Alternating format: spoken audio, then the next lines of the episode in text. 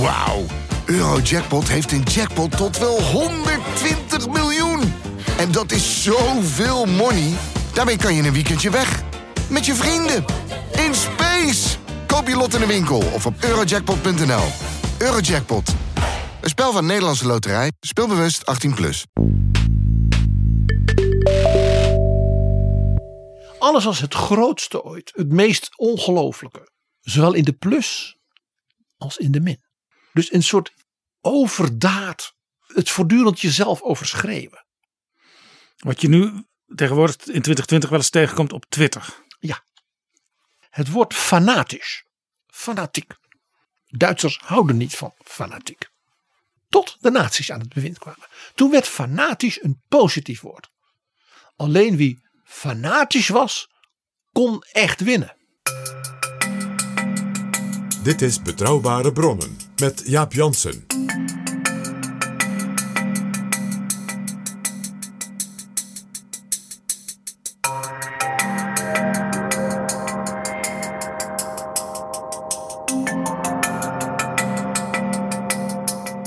Hallo, welkom in Betrouwbare Bronnen, aflevering 105. Welkom ook PG. Dag Jaap. PG, wij zijn bezig met een kleine serie rondom de bevrijdingsdagen 1945. En we hebben in aflevering 101 aandacht besteed aan de laatste dagen van Franklin Delano Roosevelt, de Amerikaanse president. En nu wil jij het gaan hebben over een onderwerp wat je eigenlijk niet zo vaak hoort als het gaat om herdenken. Want we gaan het hebben over het dagelijks leven in Nazi-Duitsland. Hoe ervoer een gemiddeld Duits gezin, een student, iemand die werkt, het leven? Want ja, we hebben natuurlijk altijd over Hitler, eh, over soldaten. Maar hoe was het gewone leven en wat wisten mensen, wat dachten mensen? Kijk, voor de Nederlanders, en zeker natuurlijk voor de mensen in de Randstad, hè, na die hongerwinter, was natuurlijk mei 45 echt een verlossing, een bevrijding. Eh, ieder Nederlands gezin, ieder Nederlandse familie heeft verhalen nog. Over de Canadezen, over de Polen. Ja, hoe, hoe ongelooflijk dankbaar de mensen waren. Dat ze langs de weg stonden hè, met nou ja, de Nederlandse vlag en hoe mensen toejuichten. Ja, en ook verhalen in die laatste periode over hoe lang het nog duurde voordat Nederland echt helemaal bevrijd was. Met name het westen van het land. Want het zuiden van het land was natuurlijk in, zeg maar september, oktober 1944 natuurlijk al bevrijd. Was voor een deel ook nog oorlogsgebied. Dus verschrikkelijk gevochten in Brabant en zo. Wat niet iedereen weet in Nederland. En daarna het oosten en het noorden van het land. eh, ook daar, zeker ook in Groningen, is enorm gevochten. Maar het westen van het land was, ja, dat was de vesting Holland. Zoals het Nederlandse leger die ooit had ontworpen om dus Nederland te verdedigen. En nu was het dus de verdediging van de natietroepen in en rond de Randstad. Ja, en hoe dat ervaren werd in Nederland kun je heel mooi zien in de serie die de NOS heeft gemaakt over die bevrijdingsperiode. Met onder andere Christ Klep die daar van dag tot dag journaals eh, over heeft gemaakt. Maar goed, we gaan naar Duitsland, Nazi-Duitsland. Want daar was het natuurlijk heel anders. Ja, het was zelfs volledig anders. Eh, Duitsland was natuurlijk oorlogsgebied. De troepen van Sovjet-Rusland, de troepen van de Amerikanen, de Britten, de Fransen, de Canadezen rukten op en veroverden Nazi-Duitsland. Het heeft zich niet overgegeven op een bepaald moment omdat men dacht dat gaat nu mis. Nee, de boel werd ingesnoerd aan alle kanten. En bezet. Heel Duitsland werd door, door vijandige troepen, hè, zal ik maar zeggen, bezet. Het was in dat opzicht voor de gewone Duitser geen bevrijding. In zekere zin ook weer wel. We hebben het alles gehad over de beroemde toespraak van Richard van Weizsäcker, de president van de Bondsrepubliek, die op 8 mei 1985 toen voor het eerst ja, als Duits politicus president van het land zei: Het was ook onze bevrijding, 8 mei. Dat was een schok. Dat was bij de 40ste verjaardag van die capitulatie. Dat iemand dat durfde zeggen. De belangrijkste toespraken in de Duitse geschiedenis. Nou, dat geeft dus aan dus dat het voor de gewone Duitser en voor zeg maar, de Duitse samenleving. Dus even los van het regime, zal ik maar zeggen. Dus een buitengewoon tweeslachtig, enorm gelaagd iets was wat er gebeurde in mei 45. Het was natuurlijk een dictatuur. Dus mensen konden niet openlijk hun twijfels en hun gedachten uiten. Nee, die, die, die, laat ik zeggen, die dictatuur, die repressie was zeker in de laatste, zeg maar, twee, drie jaar van wat wij de oorlog noemen, enorm toegenomen. Hè? Eigenlijk naarmate het natuurlijk steeds slechter ging militair. Toch weten we heel veel over wat zeg maar, de gewone Duitser beleefde, dacht, voelde. Uh, en dat is te danken aan uh, natuurlijk historici, archiefonderzoek. En er is een enorme hoeveelheid, zeker de laatste zeg maar 10, 15 jaar, aan dagboeken, ego-documenten, brievenverzamelingen, zeg maar onderzocht, naar buiten gekomen, gepubliceerd. En daar is ook heel veel, ja, eigenlijk soort, soort golf in de geschiedschrijving gekomen over dat soort documenten. En een aantal van die ego-documenten leek mij boeiend voor de luisteraar van Betrouwbare Bronnen. Om daar eens iets meer op in te gaan. Misschien ook wel iets over die mensen te vertellen. Ook weer een mooi voorbeeld hoe de geschiedenis steeds verder nader ingevuld wordt. Het is fascinerend om de geschiedschrijving van het natiebewind. Als ware als onderwerp zelf nog eens te bezien. Hoe keek men tussen zeg maar 45 en 50 naar die geschiedenis. En naar bijvoorbeeld de persoon Hitler. Toen kwamen de eerste grote boeken over hem. Hoe kijkt men er nu tegenaan? Hoe keek de generatie die in zeg maar 65, 66 in Duitsland, de jonge generatie die tegen de vaders en moeders zeiden: wat deed jij eigenlijk in de oorlog? He, dus die enorme, ook zeg maar culturele crisis in Duitsland in die tijd. Waarbij die jonge generatie vragen ging stellen. Dat is een fascinerend onderwerp op zichzelf. Jaap Jansen en Pieter Gerrit Kroeger duiken in de politieke geschiedenis. Als je je nou afvraagt, PG, ik wil wat meer weten over hoe het ging, het dagelijks leven. Welk boek zou ik dan zeker moeten lezen? Ik ga er één noemen. Dat, dat, dat is zeg maar het, het dagboek zeg maar, over die jaren. En nog twee, waarvan er één heel recent is verschenen van een man en een vrouw. Twee zeer interessante mensen. Maar de eerste die ik absoluut wil noemen als eerste is de dagboeken van Victor Klemperer. Twee dikke delen onder de prachtige titel uit een van zijn dagboekaantekeningen. Ich will Zeugnis ablegen bis zum letzten. Ik wil getuigenis afleggen tot het allerlaatste moment. Voor hem was dat allerlaatste moment al die jaren de ochtend dat hij zou worden afgevoerd naar Theresienstadt of naar Auschwitz. Want hij wist dat hangt mij boven het hoofd. Ja, Victor Klemperer was een hoogleraar Romaanse talen aan de universiteit in Dresden. Was Joods, maar was uh, als jonge man protestant geworden. Was ook getrouwd met een niet-Joodse vrouw, een protestantse vrouw. Daardoor kon hij, als het ware, heel lang ja, nou ja, overleven. Hij viel dus buiten de, uh, de, de categorie die meteen zouden worden afgevoerd. Uh, maar de nazi's zagen het Joodse volk toch als een ras? Ja, dus hij werd ook niet beschouwd als iemand die niet Joods was. Hij was Jood, punt. Maar hij was getrouwd met een niet-Joodse vrouw en nou, daardoor als het ware, was hij zeg maar aan het eind van de rij. Of ik het heel bruut mag zeggen. Ja, hij kon dus hopen dat het nog een tijdje weg zou blijven. Hij heeft al die jaren dat hij die dagboeken schreef, dagelijks, heel uitvoerig, gehoopt dat het regime eerder zou vallen dan hij aan de beurt was. Mede daarbij moed gegeven uh, door zijn vrouw Eva. Die moet je echt meteen noemen. Eva Klemperer is een heldin. Ze is altijd bij haar man gebleven. Ze zei, wij zijn samen. Ze hadden geen kinderen. Ze wat ze voor hem gedaan heeft. Ze, toen hij niet meer naar bibliotheken mocht voor zijn wetenschappelijk werk, ging zij erheen. Ze heeft die dagboeken, bracht zij in mapjes naar een vriendin, een arts. Die een veilige plek. Ja, die dat dus verstopte. Ze had ook nog een huishoudster die voor hen werkte heel lang. Een een, een vrouw uit de Slavische minderheid in, de, in, in, in Zaksen in Duitsland. Die ook van alles verstopte. Die mensen die ze voor gevaar, voor eigen leven. Dus ook het werk van Victor Klemperer, inclusief die dagboeken waarin hij dus alles opschreef. Ja, en wat hij vond en wat hij hoorde. Hebben ze allemaal bewaard. Deze mensen zijn dus de stille helden van Nazi-Duitsland. En hij had waarschijnlijk zelf ook al het idee. Wat ik nu allemaal opschrijf in die dagboeken. Dat kan ook later wel eens van waarde zijn. Voor het beeld van hoe het nu in deze jaren eraan toe gaat. Van- Vandaar dus die prachtige titel Ich will Zeugnis ablegen bis zum letzten. Hij noemde zichzelf met enige ironie, want ook dat kon hij gelukkig goed, de Kulturgeschichtsschreiber der Katastrophe. En heel veel mensen zaten natuurlijk in misère. Eh, Als ze dagboeken schreven, ja, dan was dat vaak ja, heel erg treurig allemaal. Ik kan me ook voorstellen dat mensen op een bepaald moment ophielden met schrijven. Van ja, nu is het al de zoveelste keer dat ik eigenlijk hetzelfde schrijf. Maar hij dacht, ik ga gewoon daar een beetje afstand van nemen. Ik ga wat meer ja, de dagelijkse dingen ook beschrijven. Ja, hij gebruikte het ook voor zijn wetenschappelijk werk.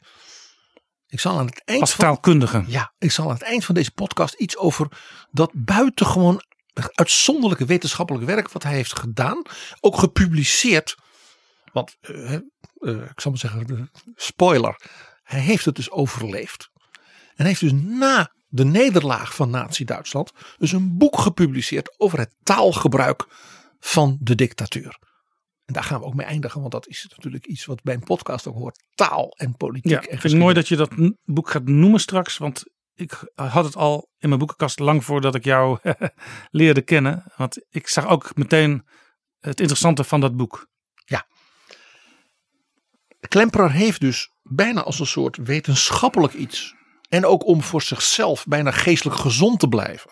Ja, in alle wanhoop en angst. En, ja, geschreven. Had natuurlijk zijn hele leven als hoogleraar taalkunde geschreven. Het was, ja, het was voor hem een soort vorm van leven. En zelfs in de periodes dat hij bijvoorbeeld in de gevangenis zat. Eh, in Dresden. Hij is een paar keer opgepakt. En dan was hij twee weken zat hij vast. Want dan was de verduistering van, van, van zijn zolderraam niet goed geweest. Allemaal dat soort pesterijen ook naar Joden natuurlijk. Eh, dan deed hij dus daarna gedetailleerd verslag per dag. Van wat hij dus in de gevangenis had beleefd. Kortom, dagboeken die een absolute must. Als je iets wil proberen te voelen en te vatten van wat het was. Dat dagelijks leven dan ook nog van een Joodse hoogleraar. Die dus ook heel bewust was van zeg maar, de dreiging. Permanent. Ja, Zeer de moeite waard. Wil ik zeker ook noemen. Zijn de dagboeken van Ursula von Kaarsdorf. Dat was een journalist. Die werkte in Berlijn voor zeg maar een krant. Nou ja, een beetje van het bewind. Maar was zeer kritisch en heeft ook de oorlog overleefd. En heeft dus in haar dagboeken verslag gedaan van zeg maar, wat het dagelijks leven in Berlijn was. Maar ook wat zij hoorde als journalist. Het soort opdrachten dat ze kregen vanuit het ministerie van Goebbels eh, als krant. Dus als, het ware, als je van mediageschiedenis houdt. En hoe, hoe, hoe als het ware in de journalistieke wereld. Een beetje de inside world. ja. En Van- bij wijze van Berlijn. ook de dagelijkse dilemma's. Ja, het woord klinkt heel erg intellectueel natuurlijk. Maar, ook, maar zelfs als je een nazi-krant was, dan had je dilemma's. Zeker. En ook dus eh, hoe je dus bepaalde nou ja, dingen moest brengen. Terwijl ze wisten, dat is natuurlijk gewoon niet waar. Of dit nu probeert men iets toe te dekken. Of nou. Dus, en, en, en Ursula Kaarsdorf was bovendien een vrouw met heel veel humor. Dan is er nog, en dat is het derde dagboek waar ik op wil wijzen. Dat is van Friedrich Kellner. Dat is relatief recent uitgekomen. Ze hebben een jaar of tien, negen geleden. In een wetenschappelijke editie ook. Ook in eh, twee dikke delen. En Friedrich Kellner was ook een hele bijzondere man. Dat was een, een, een jurist. En die werkte als soort inspecteur voor de rechtspraak. In een klein stadje. In het midden van Duitsland in Hessen. Bij de Vogelsgebirge. Nou dat is echt hartje provincie Duitsland. Geen grote stad als Berlijn. Geen cultuurcentrum van allure als Dresden. Maar gewone provinciestad. Het gemiddelde van het gemiddelde. Het Duitsland van Duitsland. En hij was een furieuze antinatie.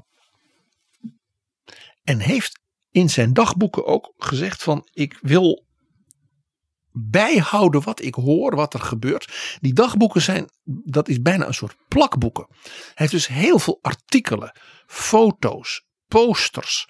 Die heeft hij in dat dagboek ook geplakt om te vertellen, kijk wat ze nu proberen.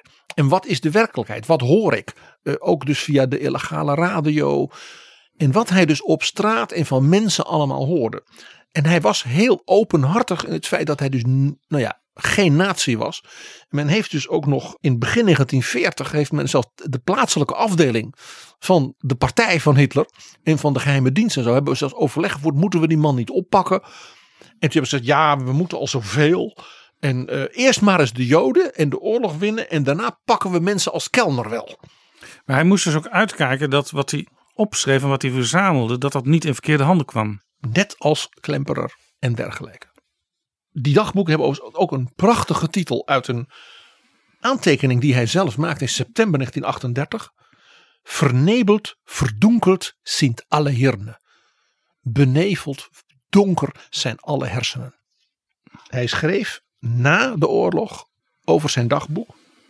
Ik wilde voor komende generaties een wapen leveren tegen het opnieuw opleven van dit soort onrecht. Mijn ooggetuigenberichten moeten de barbaarse handelingen optekenen en laten zien hoe je daar een eind aan kunt maken. Lessen trekken. Zo was het echt. Dit was het dagelijkse gebeuren.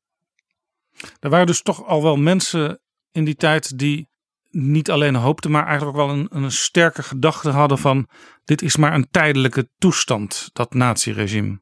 Zij hoopten, zij baden, ze smeekten en probeerden overeind te blijven. En het bijzondere is van deze mensen die ik nu allemaal noem, zeker ook Klemperer, is natuurlijk dat mensen waren die geweldig konden schrijven. En voor wie dat formuleren en verslag doen een vorm van zelf een vorm van overleven was. Dat maakt dus ook die dagboeken zo, zo, zo meeslepend vaak om te lezen. Bij alle gruwelen die je leest. Ja, als je nu in. Je kunt ze niet wegleggen. Nee, we, we spreken natuurlijk in 2020 heel makkelijk over uh, nepnieuws, framing, spinnen. Maar dat was toen uh, de orde van de dag. Alles wat er gebeurde, alles wat je hoorde, wat je las, was nepnieuws, was framing, was spinnen. Dus je moest wel een heel sterk karakter hebben om daar niet aan ten onder te gaan geestelijk. Alles was propaganda. Alles was gestuurd. Tot en met de slagerfilms. Het journaal. In de bioscoop. Het radionieuws. De kranten. Alles. Niets was wat het was. En dus, die dagboeken zijn daarom ook zo interessant. Omdat ze dus de geruchten wat de mensen zeiden dat ze hoorden van buitenlandse radio's, verhalen, een brief van een neef hier. Want dat is de andere kant wat je in al dit soort regimes in de hele wereld altijd hoort. Die propaganda zit zichzelf uiteindelijk in de weg. Want de mensen gaan toch elkaar vertellen wat ze horen, wat ze denken. Uh, geruchten. Het probleem is natuurlijk dat de geloofwaardigheid al heel snel op het spel staat. Van alles wat je hoort en ziet. En als dan ook nog niet gebeurt wat de propaganda voorspelt, aankondigt, dan wordt dat erger. En dan worden de geruchten ook wilder. Dan worden de, de, de, de legendes die mensen geloofden. Men heeft eh, een, heel lang in Nazi-Duitsland ging het verhaal dat Hitler al lang dood was. Maar dat er een soort dubbel was die dan op de radio uh, sprak. Ja. Maar dat hij ook nooit meer, het feit dat hij niet meer gezien werd op een bepaald moment, voerde dus geruchten dat, dat die hele Hitler er niet meer was. PG, het beeld wat ik heb van die Tweede Wereldoorlog tijd is, uh, Nederland was bezet. Andere landen waren bezet. Uh, er werd gevochten op verschillende fronten. Maar Duitsland was natuurlijk in de eerste jaren, zeker in het beeld, aan het winnen. En die bevolking die dacht, ja, straks krijgen we een groot Duitsland. En de economie die stond ook ten dienste van die oorlog. We kennen allemaal de verhalen over de autobanen die werden aangelegd, de fabrieken die werden neergezet. Het beeld is dus een georganiseerde oorlogseconomie in het midden van Europa. En alles stond ten dienste van die oorlog. Ja, en als ik je nou vertel dat klopt niet. Dat is toch fascinerend. Wat klopt er niet? Het was Adolf Hitler zelf die voortdurend afremde dat dus die hele economie ten dienste stond aan de oorlog, de bewapening, de weermacht, de Luftwaffe. Zijn verhaal was toch in zijn speeches nog even en de eindoverwinning is daar nog even doorbijten mensen. En dat was dus, we doen, we doen het heel erg goed. Dus men, er hoefde niet nog een tandje bij. Nog even ja, volhouden en knokken. Hitler was heel bevreesd, opvallend genoeg, dat het volk hem niet meer zou volgen. Hij zei: Ik moet het volk hebben, dat moet mij steunen. Nou, die soldaten, die steunen mij. Want die staan aan het front en die winnen. En dat zijn helden. Dus Ja. dat zat goed. Ja, dat was over ook al de vraag. Hè, want de, de Weermacht werd natuurlijk ingezet. En die hadden gewoon hun eigen ideeën en strategieën. En die Ja. moesten nu plotseling die bevelen volgen. Ja, zo is dat. Maar hij dacht dus als, eigenlijk als een modern politicus ook aan de publieke opinie. Maar hij was natuurlijk een modern politicus. Hij was natuurlijk uiterst modern. Hij was ook relatief jong. Hij was zes jaar dictator en toen werd zijn vijftigste verjaardag gevierd. Dat was in het Europa van die tijd ondenkbaar. En hij gebruikte de moderne media. Dus het volk moest hem steunen. De soldaten, nou, die, waren, die voerden bevelen uit en die waren aan het winnen, dus dat zat goed. Dus wat was het volk? Dat waren de vrouwen. Hitler zei: Vrouwen moeten mij steunen. Ik citeer nu letterlijk wat hij tegen Goebbels zei. Dat weten we uit de dagboeken van Goebbels. Geen oorlog is ooit gewonnen waar vrouwen in het land niet achter staan. Dat geldt ook voor deze oorlog. Dus vrouwen, zeker in die tijd, hielden het land draaiende. Want elk gezin, daar was de moeder de spil. En dat leidde er dus toe dat Hitler voortdurend zei: je moet de vrouwen ontzien. Dus die moeten niet gedwongen worden te werken in de wapenindustrie. Er moet eh, eh, eh, genoeg te eten zijn. Er moet genoeg afleiding zijn. Er moeten leuke dingen zijn. Dus alle theaters blijven open. alle zwembaden. Het is Fassi Hitler die zei: een soort feel-good Nazi-Duitsland. Wou hij. Het interessante is dat mensen als Goebbels en Albert Speer, de latere minister van Bewapening, die dus alles moest organiseren, die zeiden: ja, we moeten gewoon heel Duitsland. Moet maar met één ding bezig zijn, dat is produceren voor de oorlog. Die wilden een soort lockdown. Heel Duitsland mocht maar één ding doen nog, en dat was produceren in de Ja, een wapenindustrie. beetje het beeld wat ik eigenlijk had. Dat is iets wat ze pas in 1942, 43 gingen eisen. En Hitler die hield dat voortdurend tegen. Dat werd ook vanaf dat moment geëist. Omdat het natuurlijk op allerlei fronten niet goed ging. Nee. Jij kent, en veel Nederlanders kennen denk ik wel, die beruchte, beroemde speech die Goebbels hield na de grote nederlaag ja, aan het oostfront in Stalingrad. Waarin hij zei, iedere Duitser wil dat we winnen. We gaan alsnog winnen, maar dan hebben we een totale oorlog nodig. Die beroemde leus, totale oorlog, kortste oorlog. Laten we even luisteren naar die speech in het Sportpalast door Goebbels. Engländer behaupten, das deutsche Volk wehrt sich gegen die totalen Kriegsmaßnahmen der Regierung. Er will nicht den totalen Krieg, sagen die Engländer, sondern die Kapitulation.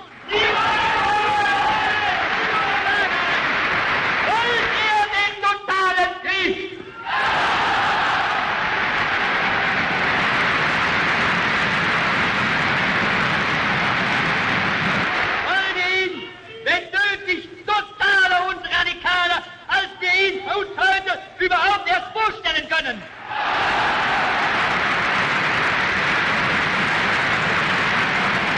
Seid ihr bereit, mit dem Führer als Phalanx der Heimat hinter der kämpfenden Wehrmacht stehen, diesen Kampf mit wilder Entschlossenheit und unbeirrt durch alle Schicksalsfügungen fortzusetzen, bis der Sieg in unseren Händen ist.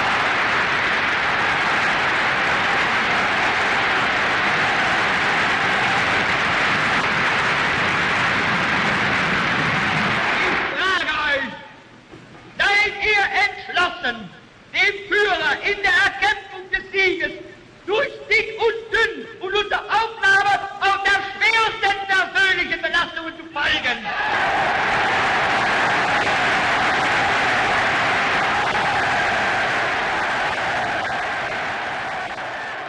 Dat was Goebbels in januari 1943. En je denkt, nou, dat was het officiële dus ding van het bewind. Dus een eind aan alle soepelheid in de samenleving. Nee hoor. Het eerste wat Hitler deed, als de baas, de Führer, was de eisen dat vrouwen nu ook moesten gaan werken, verlagen. Nee, pas tot 45. Daarboven niet. En alle, allerlei beroepen die vrouwen uitoefenden. Verpleegsters, eh, onderwijzeressen. Dus hij maakte een heleboel uitzonderingen. Waardoor de vrouwen uit de middenklasse en de hogere klasse. Eigenlijk dus nog steeds niet hoefden. Dus Hitler verzachtte in feite de maatregelen. Waarom hield Hitler zelf die toespraak niet in het Sportpalast? Eh, omdat Hitler toen zich al helemaal letterlijk had ingegraven in zijn hoofdkwartier, bunkers. En mm, ja, eigenlijk hij natuurlijk niet meer geloofd werd in zekere zin. Hij had natuurlijk zo voorspeld, we gaan winnen en dit en dat en dat. Hij kon dat verhaal niet meer houden. Hij was dus ook bang dat de bevolking dat zou doorkrijgen. Dat hij eigenlijk zelf niet meer geloofde. Eh, bijna ja. Ja, ja, ja. Inderdaad. Om, ik, ik zal je één detail geven. Toen het nog slechter ging. We hebben het nu over augustus 1944. Toen was dus de invasie in Normandië al. Ja, Parijs werd bevrijd. Toen werd, kwam er een echte soort definitieve lockdown van heel Duitsland. Toen gingen de, theaters dicht. De opera. En dergelijke. dus alles wat het leven nog een beetje kon veraangenamen, dat verdween. Wat Hitler dus al die tijd had geëist, dat moet open blijven. Hè, tegen dus zijn eigen mensen in. Toen heeft Hitler een uitzondering gemaakt in die nieuwe wetten. Weet je wat door moest gaan? De productie van snoep en, en chocola en dat soort dingen. En het brouwen van bier. Dus de beeldvorming van een enorme georganiseerde oorlogseconomie. Hè, met die Albert Speer. Hè, ook die beeldvorming van Speer eh, na de oorlog. Van een briljant georganiseerde ja, Duitse gründlichkeit. Om het even heel bruut te zeggen. Daar zet ik dus een paar hele opmerkelijke nuances bij. En die kwamen nota bene van Adolf Hitler zelf. Was het trouwens niet zo dat het leven in Duitsland ja, relatief prettig kon zijn? Zeg maar enigszins luxe. Omdat de rest van Europa natuurlijk werd leeggeroofd door de nazi's. Uh, ja, voor een deel wel. Uh, het meest opmerkelijke hierbij is dat je zegt van ja, maar als al die vrouwen dus ontzien moesten worden. Wat dus echt anders was dan bijvoorbeeld, als, dan bijvoorbeeld in, de Sovjet-Unie, maar ook in Amerika. Hè, waar we weten dat de vrouwen echt aangemoedigd werden te gaan werken. En dat ook een enorme emancipatiegolf in Amerika met zich meebracht. Zo niet dus in Nazi-Duitsland. Maar ja, die soldaten stonden aan het oostfront. Wie werkte dan? Slaven. Krijgsgevangenen. In 1943, 44 waren er 7 miljoen dwangarbeiders in de industrie en op het platteland. In Duitsland, vooral Fransen, mensen uit Polen, mensen uit de Oekraïne, Russen. En op het laatste moment, 43, 44, ook bijna een miljoen Italianen. Die dus als krijgsgevangenen uh, aan het werk werden gezet. Kijk, de Polen, de Oekraïners, de Russen, dat waren, gewoon, dat waren gewoon mensen die werden opgepakt. Die werden verschrikkelijk behandeld. Echt vreselijk. De Italianen waren ook Italiaanse soldaten die dus ja, hadden gecapituleerd hè, tegen de geallieerden. Mussolini was ten val gekomen en die zijn dus gestraft door de nazi's Ja. door ze te verhuizen. Ze stonden eerst ten dienste van het fascistische regime in Italië. Maar ze werden Gedeporteerd naar overrompeld door de geallieerden. Nee, en gedeporteerd dus door de nazi's naar Duitsland. En ook vreselijk behandeld. 2 miljoen van die 7 miljoen mensen waren dus echt krijgsgevangenen, met name van het Oostfront. En die mensen waren volkomen rechteloos. Als ook maar iets deden wat niet kon, dan werden ze geëxecuteerd. Eh, de, de gruwelen ook, eh, waarmee dus die krijgsgevangenen en dus die dwangarbeiders eh, aan het werk waren gezet, die zijn echt onvoorstelbaar. En doordat dit gebeurde, hoefden dus vrouwen niet de fabrieken in. Zo bruut is het. En wat je dus ook kreeg was iets heel merkwaardigs. En dat raakt meteen even Victor Klemperer, de dagboekschrijver. Er waren dus heel veel Joodse medewerkers in de industrie en in allerlei bedrijven. Waarvan die bedrijven zeiden, ja, wil ons bedrijf nog kunnen draaien? Ja, die moeten voorlopig maar even niet gedeporteerd worden. Je kent de beroemde film over Oskar, Oskar Schindler. Ja, Schindler's List. Precies. Die dus op die manier allerlei Joodse medewerkers, als het ware, eh, kon beschermen voorlopig tegen deportatie. Maar bijvoorbeeld ook Albert Speer, de minister, ja, die dus dat hele apparaat van de oorlogsindustrie moest organiseren. Die zei dus tegen Hitler: ja, nee, je kunt niet alle Joden uit Berlijn en andere, dus industriesteden en dergelijke, deporteren. Want die hebben we nodig. Dus er ontstond een hele merkwaardig soort dubbel situatie. Waarbij dus allerlei Joodse mensen, omdat ze nodig waren, ja, eh, dan maar aan het werk gehouden werden. Dus, dus eh, Victor Klemperer werkte een tijd lang in Dresden in de fabriek van Zeiss Nikon voor hele gespecialiseerde apparatuur. Ja, daar hadden ze dus eh, in- ja, een intellectueel, ja, iemand als eh Klemperer, die kon daar aan het werk gezet worden. Ja, Uiterst merkwaardig aspect dus van, dus nee aan de, aan de oorlogseconomie op een bepaalde manier.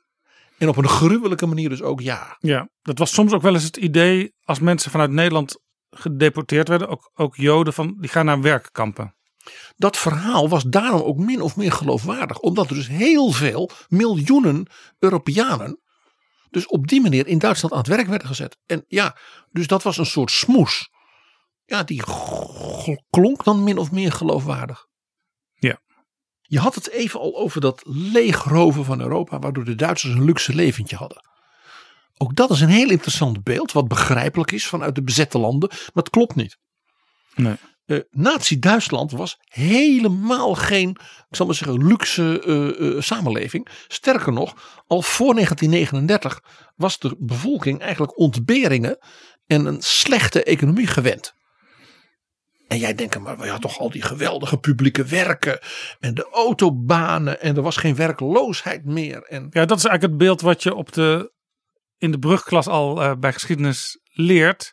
Ze kwamen natuurlijk uit de Eerste Wereldoorlog. Daar moesten ze alles voor opgeven. Nou, uiteindelijk eh, kwam Hitler en de economie groeide. Ja, boeiend hè. Dat is dus, ik zeg het even heel bruut. Dat is het beeld dat de nazi's natuurlijk vooral zelf ook graag verspreiden. De werkelijkheid was een beetje anders. De Nazi-Duitsland was in 36, 37 al volkomen bankroet. De president van de Rijksbank, Hjalmar Schacht, is zelfs opgestapt. Omdat hij zei het financieel beleid van het bewind is zo volkomen onverantwoord. Eh, er wordt geld uitgegeven aan volkomen onproductieve dingen, zoals autobanen. En dat lijkt allemaal heel geweldig. En die werkloosheid die dan dus nu weg is, ja, die mensen ze worden allemaal eh, in het leger gestopt. En die moeten allemaal in de oorlogsindustrie aan het werk. En dat is geen echte productieve economie. Eh, nee, Want dat zijn allemaal dingen die je maar één keer kunt doen. ja. En eh, nog erger, er was dus ook geen export van producten, zeg maar, hoogwaardige Duitse industrie, zoals wij nu zouden zeggen. Eh, dus Duitsland had ook bijna helemaal geen valuta en kon dus ook niks importeren. Dus om te kunnen importeren dingen als olie eh, en, en, en andere dingen, moesten dus de gewone Duitser moest inleveren. Dus je kon geen dingen uit het buitenland in de winkel krijgen. Heel veel producten waren dus niet te krijgen. Dat was in feite feitelijke rantsoenering. En toen dus in 39 de oorlog kwam. En dus dingen op de bon gingen, was dat helemaal niet ongebruikelijk. Men was wel gewend dat er te weinig was om, zeg maar, in de winkels. Producten, eten eh, en andere, zeg maar, goederen. Was dit ook de reden dat heel veel fietsen van Nederlanders in beslag werden genomen door Duitse soldaten? Eh, ja, het was nog sterker. De Duitse soldaten die dus in 1940 in Nederland, in België, in Frankrijk, even later ook in de Baltische landen, Letland, Litouwen, Estland kwamen. Die kwamen dus in Luilekkerland. Dat steinrijke Holland, ja, met zijn boter en zijn vlees en zijn het eten in Nederland. Wat een luxe en alles was in de winkels. Ze dachten dat is goed georganiseerd daar in Holland. Ja. En wij denken dan de jaren 30 armoe, ellende. Voor de mensen uit Nazi-Duitsland was dat een paradijs. Frankrijk, Parijs. Oh, ja. Dus ze kochten de winkels leeg. Want dat was een van de dingen die Hitler ook had geregeld. De Duitse soldaat mocht meenemen wat hij kon sjouwen naar huis. Maar wel kopen. Ja. Niet Of in beslag nemen. Of een beetje afpersen of een beetje Ja, dat gebeurde met die fietsen natuurlijk. bijvoorbeeld.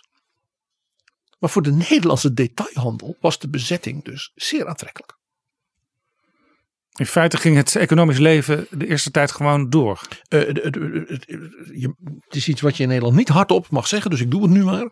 eh, de jaren 1940, 41 tot in 42 waren voor de Nederlandse economie goede jaren. Ook weer een beeld wat niet op ieders netvlies staat. Eh, nee. Dus het beeld van Duitsland dat eigenlijk een armoedig en bankroet land was. Maar deed alsof het ja, een wereldmacht was. En de buurlanden die dus in crisis verkeerden. Waarvan de Duitsers zeiden. Oh wat is het hier allemaal luxe. Zelfs de Baltische landen. hè, Die waren dus net toen door Stalin eh, ingenomen in 1940. En de mensen werden gedeporteerd. Maar toen de Duitsers daar in 41 binnenvielen. zeiden ze, Wat een luxe is het hier. Eigenlijk leek Nazi-Duitsland nog het meest op de DDR. Er was armoede, het was een karig bestaan. Dat werd gebracht als een soort socialistische gemeenschappelijkheid. Dat, dat heette die Volksgemeinschaft. We zijn allemaal gelijk. Dat is ook allemaal arm. Ja, zelfs in de DDR-tijd slaagde dat regime er nog wel in om in het Westen een enigszins positief beeld van hun land te creëren. Waar alles gratis was. Enzovoort. Ja, maar dit, dit is dus fascinerend. Dat is dus hetzelfde beeld dat Nazi-Duitsland in zekere zin in, in de decennia daarvoor dus naar buiten bracht. Een soort socialistische heilstaat waar iedereen gelijk was. En tegelijkertijd de partijelite ervan losleefde. En de corruptie enorm was. De DDR leek in dat opzicht op Nazi-Duitsland. Dit is Betrouwbare Bronnen. Als je nou het gewone leven in eh, Nazi-Duitsland bekijkt. aan de hand van die dagboeken. alle ellende die gaande was. Hè, de fronten waar de oorlog dreigde verloren te worden. en ook de vernietigingskampen. wist men ervan. Had man es gewusst. Ja, want ze hadden natuurlijk geen vrije radio. Nee, er was geen pers. Als ze naar de bioscoop gingen, dan kregen ze het door de nazi's geregisseerde journaal. De Wochenschau. Met die beroemde muziek waar die mee begint. Waarvan iedereen zegt, ach, Wagner. Nee, het is niet Wagner, zegt deze muziekliefhebber dan. Het is de schoonvader van Richard Wagner. Frans Liszt, een Hongaar, geen Germaan. Dat klonk overigens zo.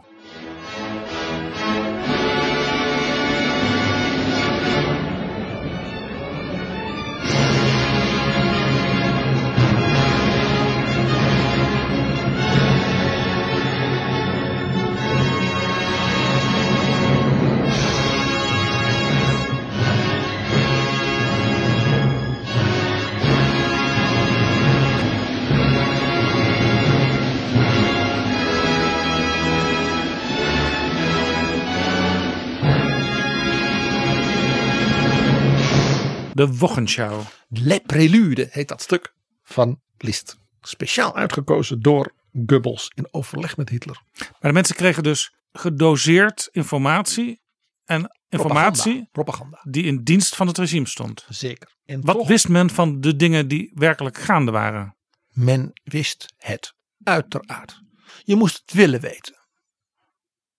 Maar dat is natuurlijk nu niet anders met het nieuws en met wat er in de wereld gebeurt. Maar het was niet de bedoeling dat je een radio had waar je eh, andere frequenties kon zoeken. Eh, nee, het luisteren naar buitenlandse radio was niet een klein beetje verboden. Daar stonden zeer zware straffen op, tot en met de doodstraf.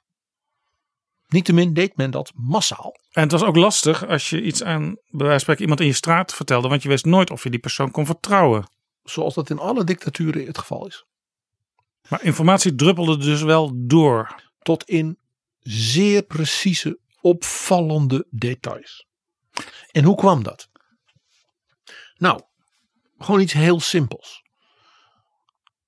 Als er 3 miljoen soldaten aan het oostfront zijn, waarvan 1 miljoen sneuvelt, dan zijn dat dus 1 miljoen berichten van uw zoon, uw neef, uw broer is dood.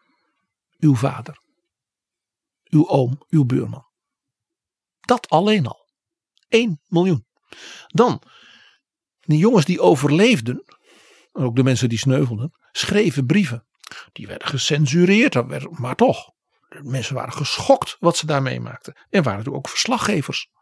Er waren officieren. Er waren allerlei medewerkers die niet zeg maar, aan het front vochten, maar wel daar waren. Ja, en ik herinner me ook de film Die Brücke. Dat gaat over een school waar de jongens uiteindelijk ook het leger in moeten, omdat er verder geen soldaten meer over zijn. Maar daar zie je dat dagelijks de wandkaart wordt bijgehouden met vlaggetjes waar, het front, waar de fronten zich bevinden. Op een gegeven moment slaat dat natuurlijk om. Ja, en dan zo'n leraar, die misschien wel helemaal niet pro-nazi-regime is, ja, die moet daar dan mee omgaan. Maar al in september, oktober 1939, dus dan hebben we het over de allereerste weken van de oorlog, golfden de berichten dus via de brieven en via de, zeg maar, de gewone menselijke contacten over wat er in Polen gebeurde. Hoe daar dus tienduizenden mensen, Joden, Polen, gewoon werden vermoord. En vooral in 41, 42 aan het Oostfront, toen zijn er dus heel veel ook gewone soldaten, politiemedewerkers, ja, gewone ja, mensen van de logistiek, zeg maar rondom de oorlog. En niet iedere soldaat vecht. Het is een enorm apparaat. Dat hele apparaat werd geconfronteerd natuurlijk met de verschrikkingen daar. Het had ook psychologisch een enorme impact. Eh, de instorting, zouden wij zeggen, psychisch, van zeg maar, gewone jongens, was enorm. Want er was natuurlijk sprake van massa-executies van Joden, van uh, Russen, van mensen die werden gezegd dat waren commissarissen, dus leden van de Communistische Partij. Die werden bij tienduizenden dus gewoon doodgeschoten. We hebben het dan nog helemaal niet over vergassing en dat soort dingen. Echt gewoon brute volkerenmoorden. En dat dus ook vrouwen, kinderen, bejaarden en wat dan niet. En die soldaten die moesten daar aan meedoen of waren daarbij. En niet iedereen ja, kon daar tegen, om het maar even zo te zeggen. Er waren dus mensen die dus volledig helemaal gek werden. Dat, dat, dat galmde natuurlijk in Nazi-Duitsland door. Dat, met de familie. In de dorp. In de verhalen. Je had het eerder over Hitler. Die vond dat het gewoon leven toch al een beetje prettig moest blijven. Omdat hij bang was voor een omslag in de publieke opinie. Maar die publieke opinie werd dus dagelijks gevoed met negatieve berichten. Gewoon rechtstreeks van familie. En dat werd dus rondgefluisterd. Ja. Friedrich Kellner, de dagboekschrijver, de jurist uit Hessen.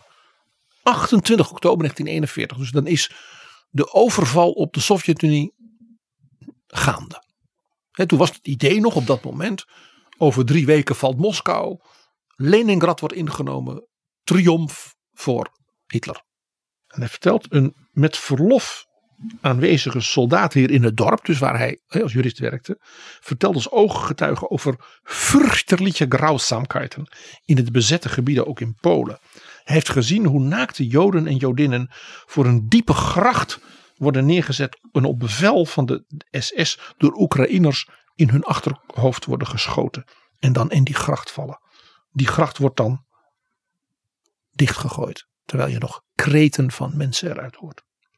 En dan, ik lees nu voor wat hij in het Duits dan opschrijft. Diese unmenschlichen Schandtaten sind so furchtbar, dass selbst die als Handwerksleute benutzte Ukrainer Nervenzusammenbrüche erlitten. Sämtliche Soldaten, die Kenntnis von der bestialischen Handlungsweise dieser Nazi-Untermenschen bekamen, waren der einheitlichen Meinung, dass das deutsche Volk heute schon vor einer Vergeltung zittern kann. Hij zegt de gewone soldaat zegt nu al het Duitse volk moet sidderen voor de wraak, de vergelding die ooit genomen zal worden voor deze gruwelen. Dat zelfs de Oekraïners die dus aan het werk werden gezet hiervoor door de SS, dat die volkomen geestelijk instorten. Dit schrijft dus een Duitse jurist in het midden van Duitsland in een dorpje in oktober 1941. Ja. Klemperer, die zat natuurlijk in feite als Jood opgesloten min of meer in een ja, tehuis waar andere Joden ook waren bij me gebracht. Had geen media, mocht geen radio, geen is. Als ik je nou vertel dat hij in 1942 in maart schrijft dat hij hoort over een dorpje in Polen, Auschwitz.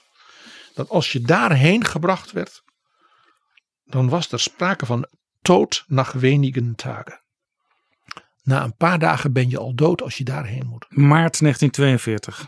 Weet je nog dat Thomas Mann in januari 1942 via de radio uit Amerika de Duitsers zei: In Amsterdam worden Joodse mannen opgepakt om tests te doen met gifgas? Dat Ja. was twee maanden daarvoor. Dus dat, ik wil dit aanstippen hoe snel, dus in Nazi-Duitsland, ook dus bij een Joodse professor dit rondging. In februari 1943 schrijft hij in zijn dagboek: Ik hoor dat als de mensen naar Auschwitz en dat soort kampen worden vervoerd, dat ze dan in veewagens worden vergast. Hij haalt ook twee dingen door elkaar. Ze werden in veewagens erheen gereden en daar vergast. Maar het feit dus dat die termen veewagen ja, en vergassing dus al in februari 43 dus gewoon bekend waren. Ja, Dus hij wist ook, dit stond hem ook te ja. wachten. we hebben es gewoest, zou je nu moeten zeggen. Ja.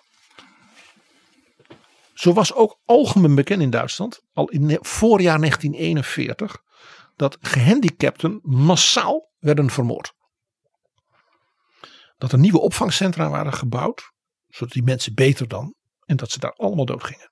En dat heette euthanasie, de goede dood.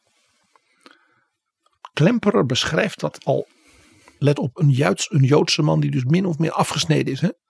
in augustus 41. Waar haalden ze die informatie vandaan? Want zoals jij schetst, soldaten aan het front, die natuurlijk naar huis schreven, familie hadden overal. Of op bezoek gingen, dan hadden ze verlof. En dan Maar dit waren, dit waren ja, hele bijzondere plekken, zo'n zo'n vernietigingskamp. Daar werkte natuurlijk maar een beperkt aantal mensen. Dus zo snel kon dat niet als een lopend vuurtje door het land gaan. Nee, die, die opvangcentra voor gehandicapten, dat waren medische centra. Die mensen waren gebonden aan het ambtsgeheim. En heel Duitsland wist het. En dan moeten we één naam noemen. Clemens August Graaf von Galen. Nou, je hoort het al. Clemens August Graaf von Galen. Dat is aristocratie van het hoogste soort uit Westfalen. En die zorgde voor een enorm schandaal. Die man was namelijk bisschop van de stad Münster. En dat is een van de grote Duitse bisdommen. Zeer Ja. katholiek, hè, dicht bij Nederland. En die preekte op 3 augustus 1941. In een serie preken. Die eindigde op 3 augustus. En daarin heeft hij openlijk gezegd. Dat dus de gehandicapten. Dus werden vermoord. En als je dat doet met gehandicapten. Omdat ze dus niet meer productief zijn. En onwaardig leven. Onweertes leven werd dat genoemd. Hij zegt, beseft u wat dat betekent? Dat betekent dat als u, hij zei dus tegen de mensen de kerken, als u niet meer kunt, omdat u ziek bent, omdat u aan de front gewond bent geraakt, uw zoon misschien wel. Of als u hoogbejaard bent, of heeft een ernstige ziekte, dan bent u straks ook aan de beurt. We zijn straks allemaal aan de beurt. Had hij, Clemens von Galen, de bisschop van Münster, had hij die vrijheid om dat zo te zeggen in de kerk? die nam hij. Dit was een aristocraat van het, eh, nou van het zuiverste water. Dat was een enorme persoonlijkheid. En hij deed dat gewoon. Let op, het was helemaal geen linkse eh dominee type. Het was een uitermate rechtse, eh, ik zeg maar ouderwetse orthodoxe katholiek. Maar haatte dus deze manier van denken over het leven. En heeft dat openlijk gezegd. Die spreek is dus uitgetikt door mensen. Die is dus in honderdduizenden exemplaren door Duitsland gegaan. Illegaal natuurlijk. Mensen gaven het aan elkaar te lezen. En de Britten hebben die tekst ook opgepikt. En hebben er een brochure van gemaakt. En uit hun vliegtuigen over heel Duitsland uitgestrooid. En wat gebeurde er vervolgens met die bisschop van Münster? Niets. Hij was te belangrijk. Goebbels en Hitler, dat weten we, de dagboeken van Goebbels hebben uitvoerig gepraat. Dit is toch, we moeten die vent aanpakken en dit en dat. En Hitler zei ja, ja, ja. hm, hm, hm. Ook hier weer, Hitler was dus bang voor het volk. Die zei straks, hij zegt geen Beierse gebirgsjäger, zei zal nog willen vechten aan het front. De katholieke soldaten, het is, ja. En toen heeft hij dus met Goebbels afgesproken, eh, we negeren hem. Maar over een paar maanden, hè, in de najaar 41, is Moskou ingenomen. En dan gaan we afrekenen. Met eerst sowieso met de Joden en dan met de kerk.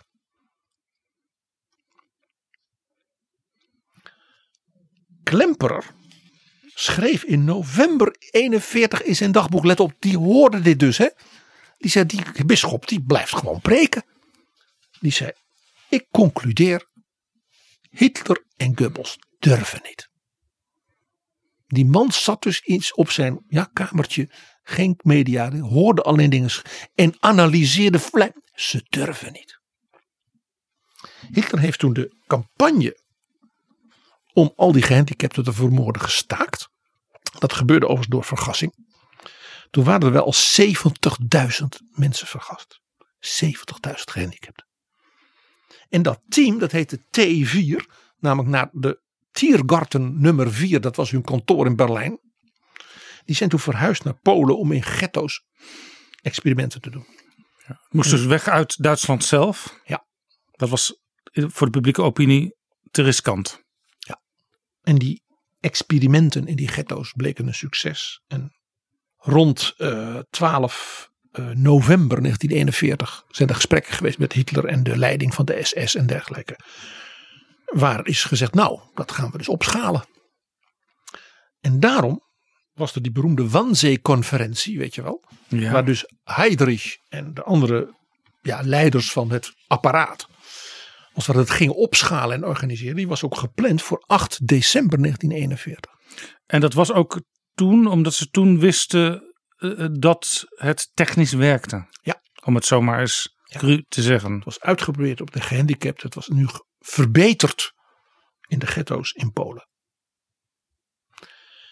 En op 8 december zou die conferentie zijn gepland. Dus Hitler had tussen zeg maar, 10 november en 1 december zijn besluiten in gang gezet. En dat kwam neem ik aan niet in het bioscoopjournaal. Eh, nee. En die bijeenkomst is afgezegd 8 december. Want op 5 december begon het offensief van de Sovjetlegers bij Moskou. En mepte de nazi-legers terug. En op 7 december overviel Japan Pearl Harbor. En er was dus sprake van een grote politieke en militaire crisis. En dus werd die conferentie afgezegd en die werd verplaatst naar 20 januari 1942. En zo kennen we hem. En hierdoor weten wij dus eigenlijk vrij precies wanneer Hitler wist en kon besluiten: dit gaan we doen. Ja. Nou, dan denk je, het was natuurlijk om uitermate geheim. Nou ja, ik, ik, ik zie jou al kijken van. eh maar Klemperer, die wist. En die Friedrich, ja, Friedrich Kellner was al zeer snel op de hoogte. Ik lees voor wat hij schreef op 16 december 1942 in het stadje in Hessen. Zegt hij van de Joodse mensen in ons dorpje zijn opgepakt en gedeporteerd. En dan schrijft hij in zijn dagboek: Van goed geïnformeerde kant heb ik gehoord dat alle Joden naar Polen gebracht worden om daar door SS-formaties vermoord te worden. Deze wreedheid is gruwelijk. Zulke schanddaden zullen nooit weggeveegd kunnen worden uit het boek van de mensheid. Onze regering van moordenaars heeft de naam Duitsland voor alle tijden bezoedeld. Ja. September 1942. We hebben het gewust. Je kon het weten, men wist het. Die publieke opinie was dus belangrijk. Ja, voor Hitler, ja, opvallend hè. Mensen mochten niet te veel twijfels krijgen. Ze moesten een positief beeld van het geheel houden. solidariteit, volksgemeenschap. Men moest ook afleiding hebben. Men moest hè, Tegenwoordig heb en je- bier. Tegenwoordig heb je allerlei opiniepeilers die nagaan wat mensen denken. Er zijn focusgroepen waar mensen bij elkaar worden gezet. Daar worden eh, nieuwe producten op uitgetest. Er wordt ook gekeken hoe bepaalde politieke ontwikkelingen ontvangen worden. Hitler was in zekere zin een moderne, een jonge politicus, maar dit hadden ze allemaal nog niet toen. Ja hoor. Maar als ik in 1942 een opiniepeiler aan mijn Berlijnse deur krijg, ja, dan weet ik niet wat ik kan zeggen, want ja, waar komt het terecht?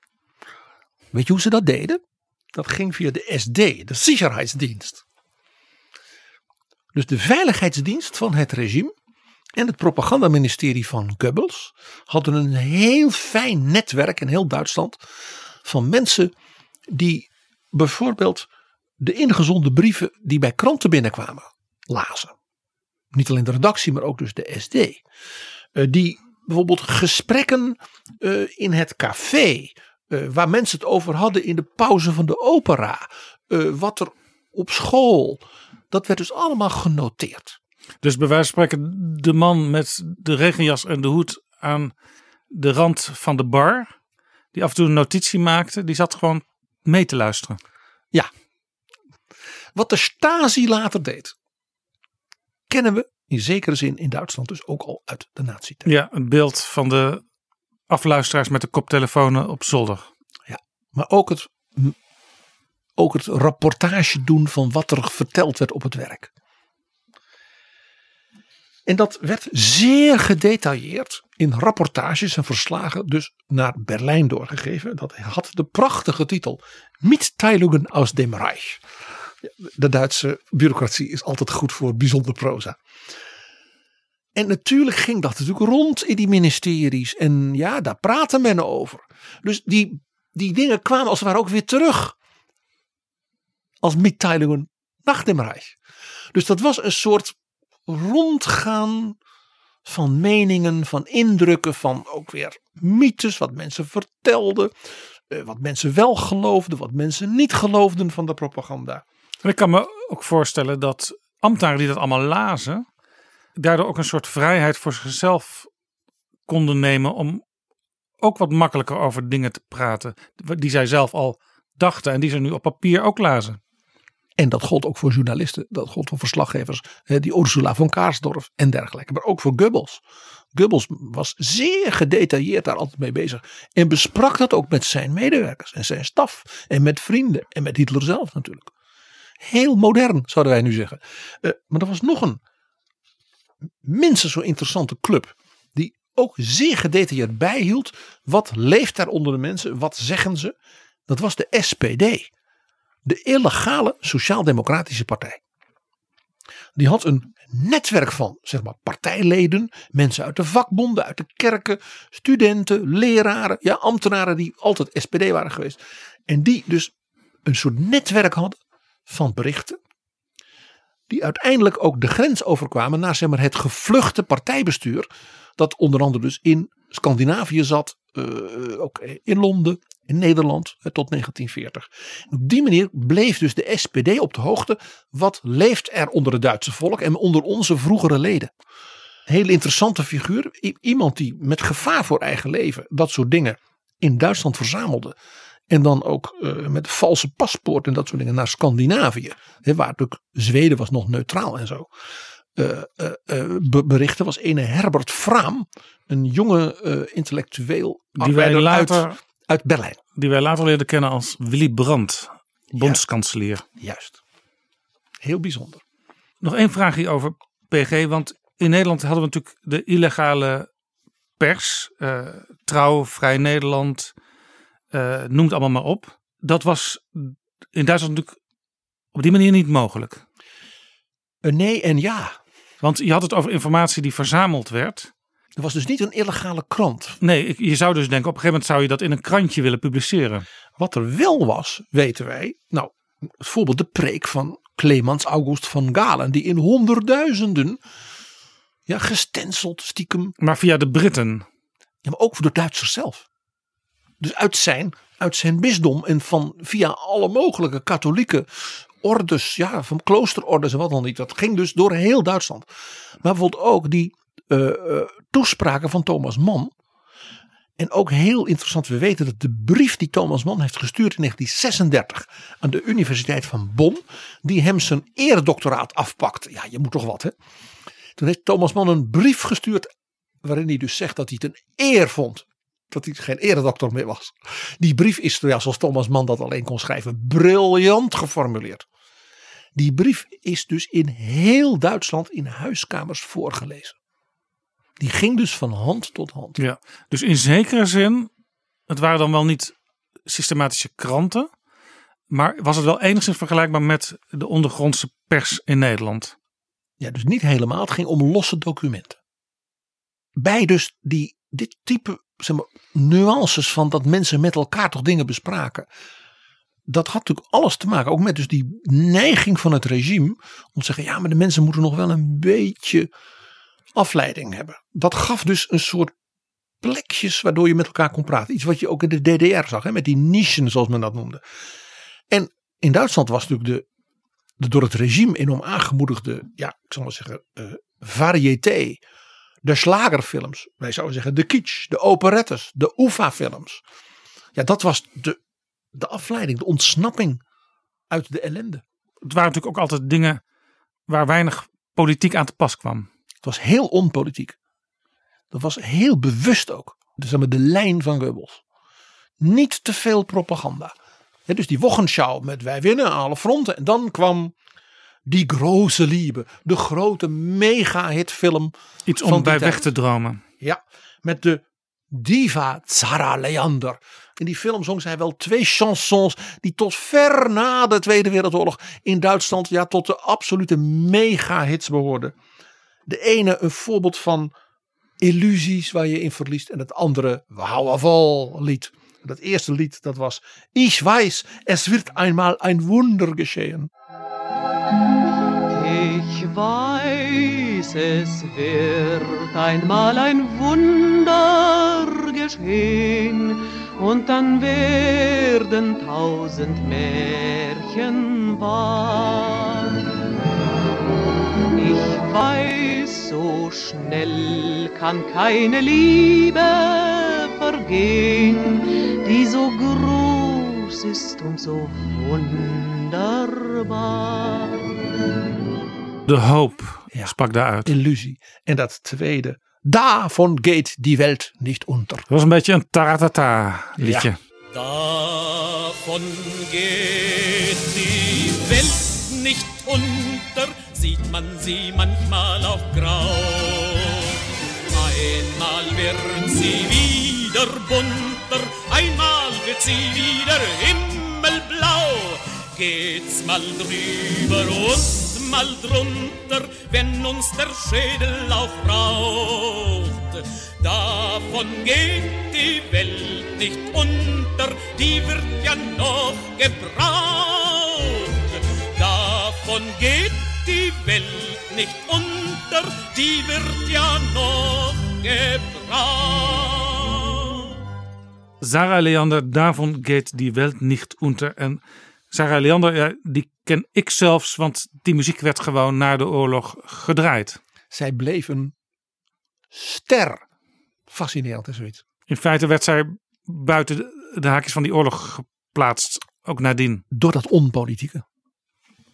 Ik ga iets heel bruut zeggen. Zij was de Vera Lynn van Duitsland. Net als Lala Andersen. Die Lily Marleen zong. Ook zo'n hit. Aus dem stillen Raume, aus der Erde Grund, hebt mich wie im Traume dein verliebter Mund. Wenn sich die späten Nebel drehen, werd ich bei der Laterne stehen, wie einst Lili Marleen, wie einst Lili Marleen. Over een soldaat En zijn meisje. en een gruwelijk einde ook. Die ondergangsstemming. Die dus blijkbaar permanent in zat. Dat fascineert mij ook zo. Dat was wel een beetje dubbele dan, want het was, het was amusement, maar er zat ook wel een soort van dubbele laag van ellende in. Dat, dat, dat, is iets, dat zit heel diep in de Duitse cultuur. Eh, uit die dagboeken, die documenten, zijn er drie momenten die ik eigenlijk wil aanstippen. Dat je kon zien, het kantelt nu. Het volk krijgt dus nog brouw, bierbrouwen en slagerfilms. En, hè, maar het gaat mis. Hè, wat we dus ook weten, dat- en dus eh, Goebbels ook wist uit die Mitteilungen aus dem Reich. Hè, die opiniepeilingen. Drie momenten in de tijd. Het eerste moment is toch echt december 1941. Heel vroeg dus al. Op 9 oktober is de persconferentie Berlijn en daarin maakt dus de regering bekend. Stalin en de Sovjet-Unie zijn verslagen. We moeten nog even doorvechten. we rukken op naar Moskou. En dat, dat bewind stort helemaal in. Dat Rode Leger stort helemaal in. Leningrad gaat vallen. Kiev is al gevallen. Moskou gaat vallen. Het is over. Eind oktober houdt Hitler een speech die in heel Duitsland kon worden meebeluisterd. En hij is euforisch. De oorlog is gewonnen. Nou, je weet, het ging helemaal niet zo. De Duitsers moesten binnen een maand, zes weken, vaststellen dat ze voor de, een derde winter opnieuw in oorlog zouden zijn. De Dus- verliezen aan het oostfront waren verschrikkelijk. En dat konden de mensen dus ook gewoon zelf concluderen. Want ze hadden Hitler gehoord. Positief. Ja, jubelend. En ze kenden de werkelijkheid inmiddels. Jij had het over die, die, die vlaggetjes op die kaart. Die vlaggetjes die stonden niet aan de Oeral. Die stonden voor Moskou. En het, de Weermacht werd 250 kilometer teruggeslagen. Niks grote overwinning. Leningrad viel niet. Churchill bleef overeind. De Britse troepen versloegen de troepen van Italië en met Duitse hulp in Noord-Afrika. Hitler ontsloeg al zijn topgeneraals, werd bekend. Er was paniek in het leger. En toen kwam de grote schok. 7 december, dus twee dagen na het begin van het offensief van het Sovjetleger, het Rode Leger, voor Moskou. Japan bombardeert Pearl Harbor. Amerika doet mee in de oorlog. Dus op alle fronten zat Letterlijk. het nu tegen. Het was nu een global war, zouden wij nu zeggen, op twee fronten. En de Duitsers zeiden: we zijn terug in 1917. De Duitsers hadden natuurlijk een benchmark, dat was de Eerste, Eerste Wereldoorlog. Ja, dat is meestal zo. De vorige oorlog. De vorige oorlog wordt gevoerd. En 1917 is natuurlijk een omineus moment in de Duitse herinnering. Dat was het begin van de ondergang. Een jaar later was het over. En ook in 1917 was de beeldvorming. Onze troepen staan in de Oekraïne, ze staan overal. En dit gebeurde dus al in december 1941. Juist. Toen was al het idee, we Dit redden het niet. Dit gaat fout. Waarbij dus ook die enorme verliezen ja, aan het oostfront. Eén van de 3 miljoen soldaten die sneuvelden dan wel zo gewond waren dat ze niks meer konden. Dat, dat, ja, dat dende natuurlijk in die bevolking door.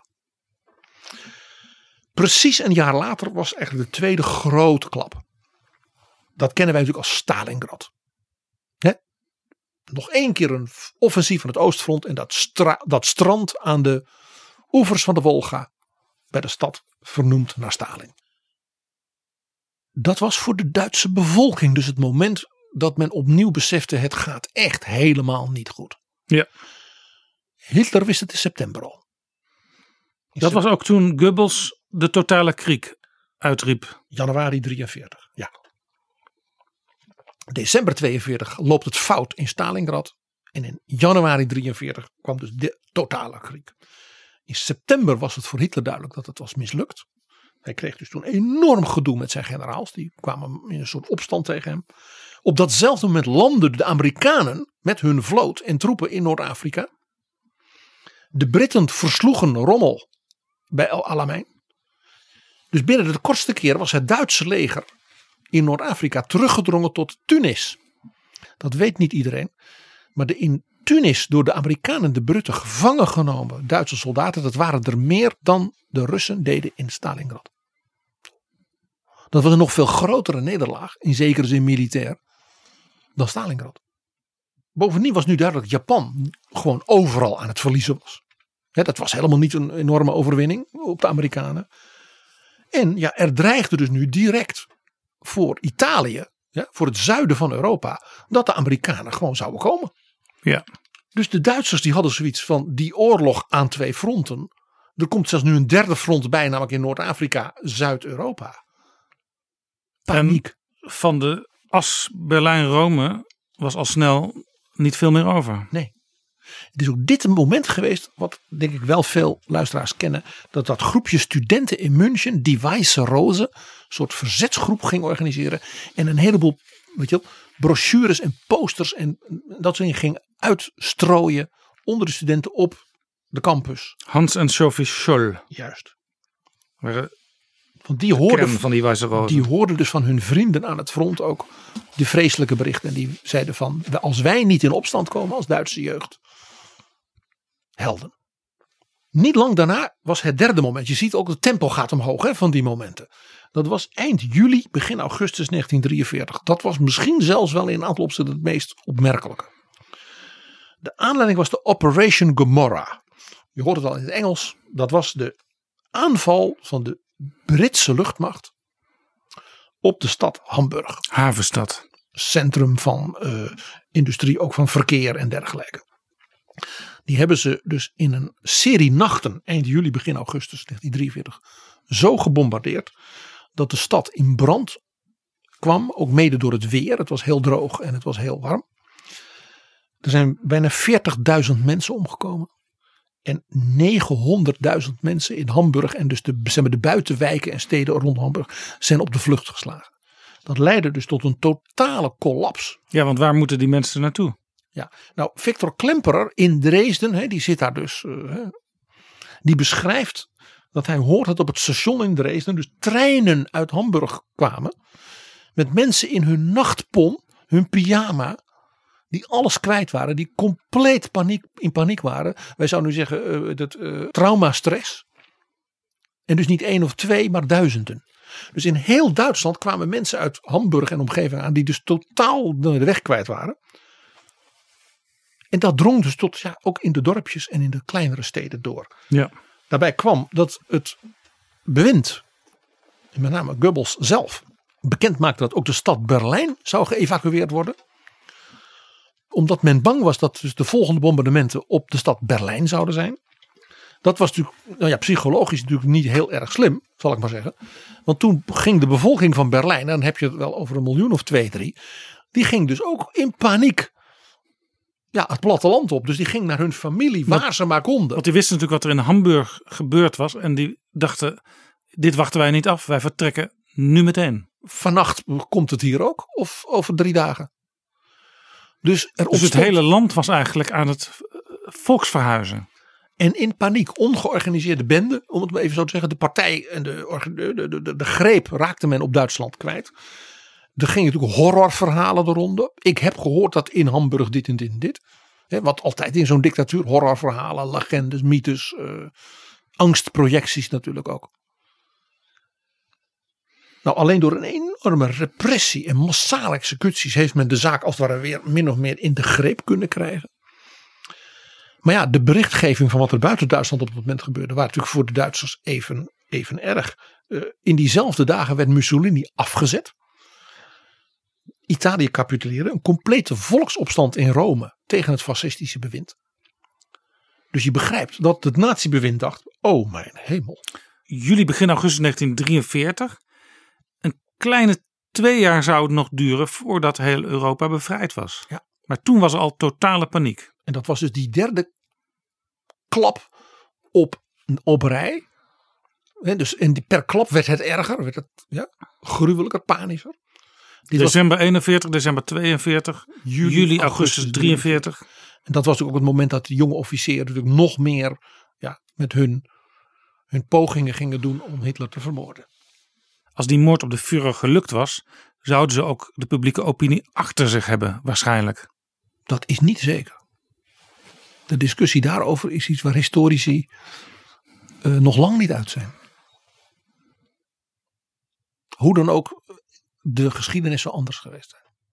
Dit is Betrouwbare Bronnen, een podcast met betrouwbare bronnen. We hadden het in het begin van dit gesprek over Victor Klemperer, die zijn dagboeken bijhield.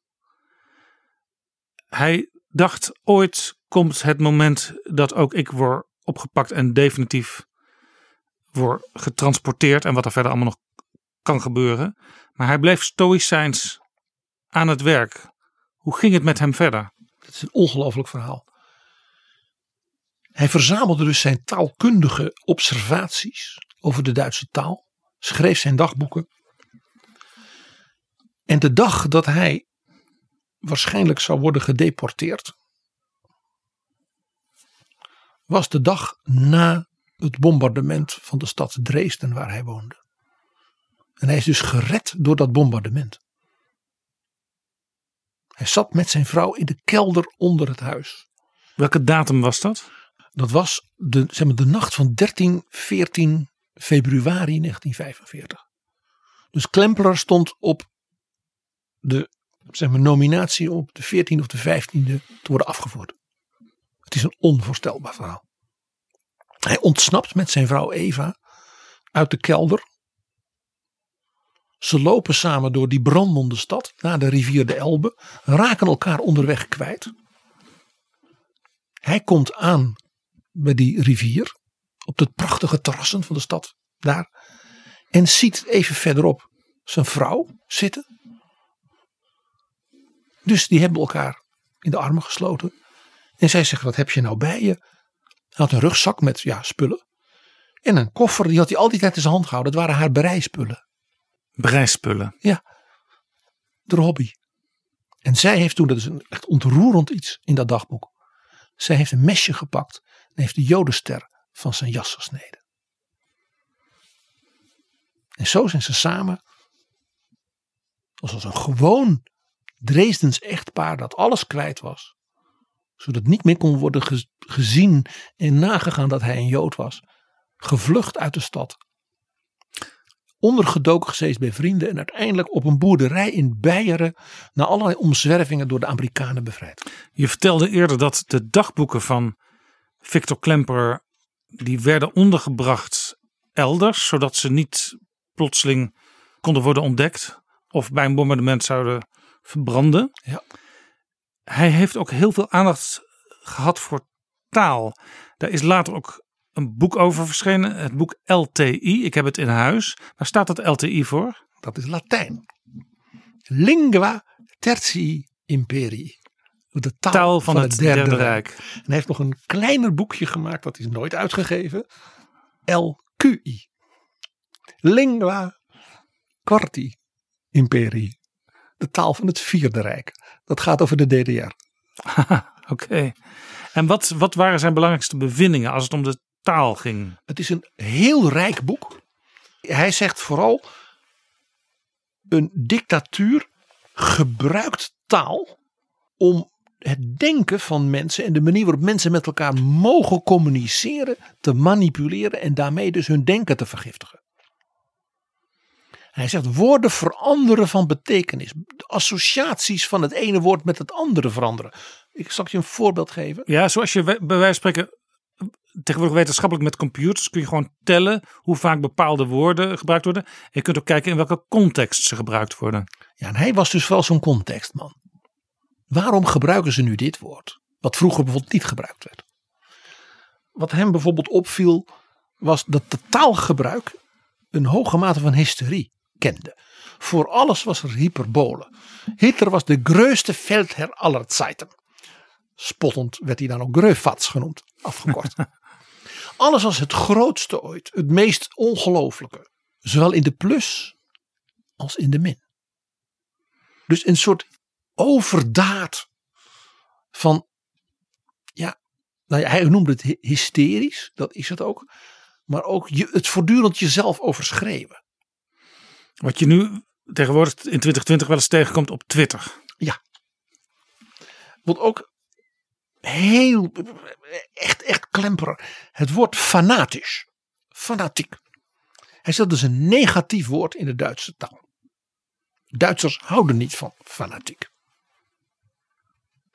Tot de nazi's aan het bewind kwamen. Toen werd fanatisch een positief woord.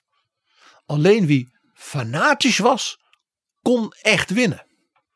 Je moest totaal alles. Nou, je hoort alweer die hyperbole. Totaler kriek. Fanatischer einsatz. Dat werd dus een positieve eigenschap. Hmm. Hij noteerde ook. Alles waar het woord held in voorkomt. Betekent ondergang. Betekent dood. Heldhaftige verdediging in Stalingrad. Onze mannen met heldenmoed sterven de heldendood aan het oostfront. Hij zegt dat betekent dus we verliezen. Dus groots. Ook wel een beetje dus die hysteriekant. In ondergang.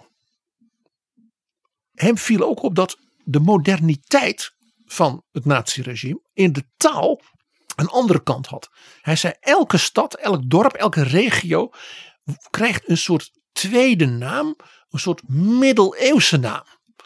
Keulen, de Hansestad. München, de stad van. Nuremberg, de Gutenbergstad. Mainz, de Gutenbergstad. Muren, de Dürerstad. Hij zegt de behoefte om te historiseren, zoals hij dat noemde, van het antimoderne van de ideologie. Ja.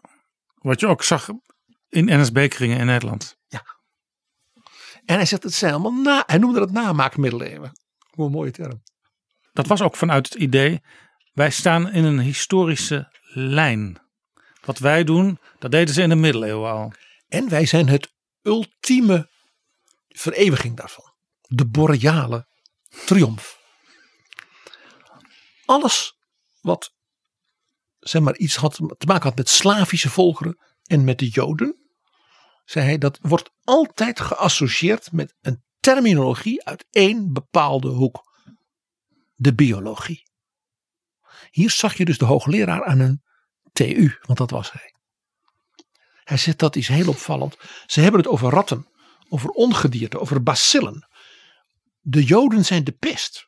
Ze zijn epidemieën, ze zijn virussen. Hm. Het zijn geen mensen. Ze worden daardoor ontmenselijkt. Ontmenselijk en biologisch gedetermineerd, zoals hij dat noemde.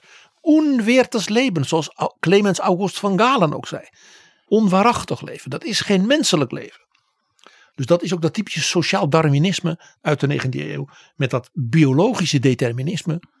Het mindere moet kapot. Het sterkere moet overleven. Wat we kennen uit het darwinisme. En dat leidde dus tot wat hij noemde eliminatorische taal. Het gaat over uitroeien, verdrijven, verdelgen, vernietigen. Het meest gruwelijke voorbeeld daarvan vind ik nog altijd de persconferentie van de ideoloog van de nazi's, Alfred Rosenberg, van 16 december 1941. Hij had net geluncht met Hitler. En toen hadden ze gepraat over wat we gaan doen met de Joden, de zogenaamde Endleuzing. En toen waren dus die experimenten, weet je wel, met dat gifgas, die waren geslaagd. Toen heeft hij die persconferentie gezegd: Wij willen, ik citeer nu letterlijk, een biologische Ausmerzung.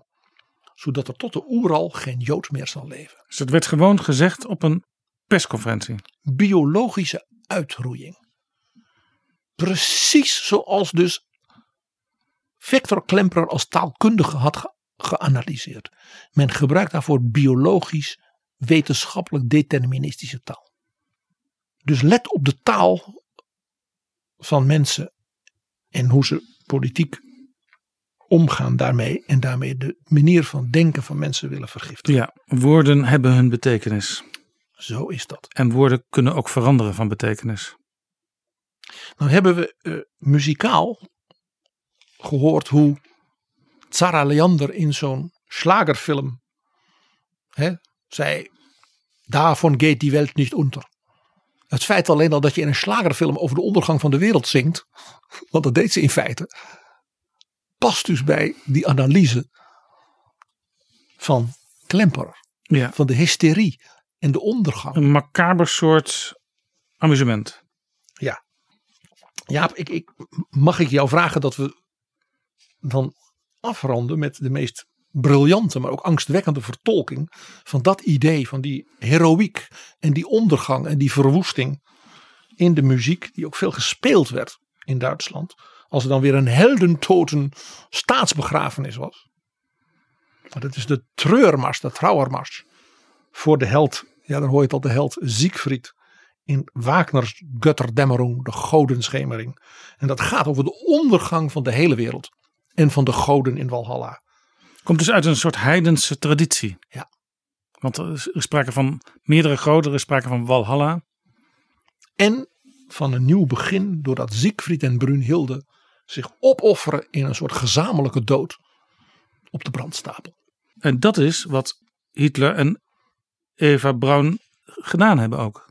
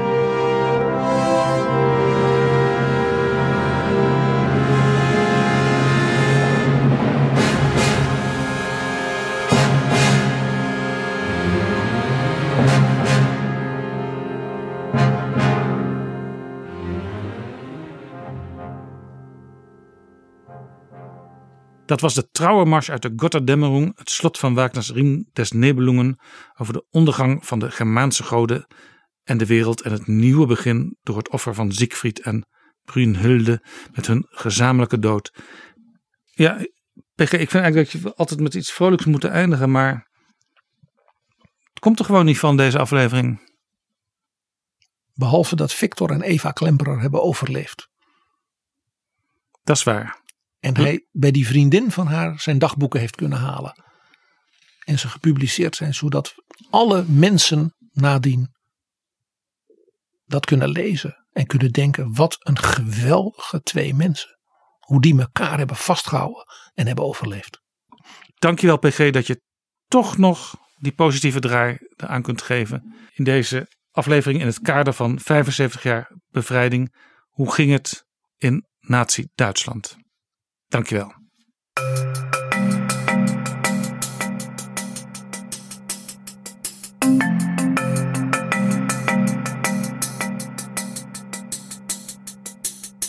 Zo, dit was Betrouwbare Bronnen, aflevering 105.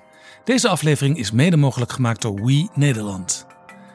Overweeg je Betrouwbare Bronnen te sponsoren of in deze podcast te adverteren? Stuur dan een mailtje aan Flip Kilian Adams. Dat is flipapenstaartdagennacht.nl. Heb je vragen of opmerkingen? Mail dan naar betrouwbare bronnen. In de volgende aflevering gaan we weer naar 2020. Met een zeer interessante gast die plotseling in het brandpunt van de Europese politiek terecht is gekomen. Tot dan. Betrouwbare bronnen wordt gemaakt door Jaap Jansen in samenwerking met dag en nacht.nl.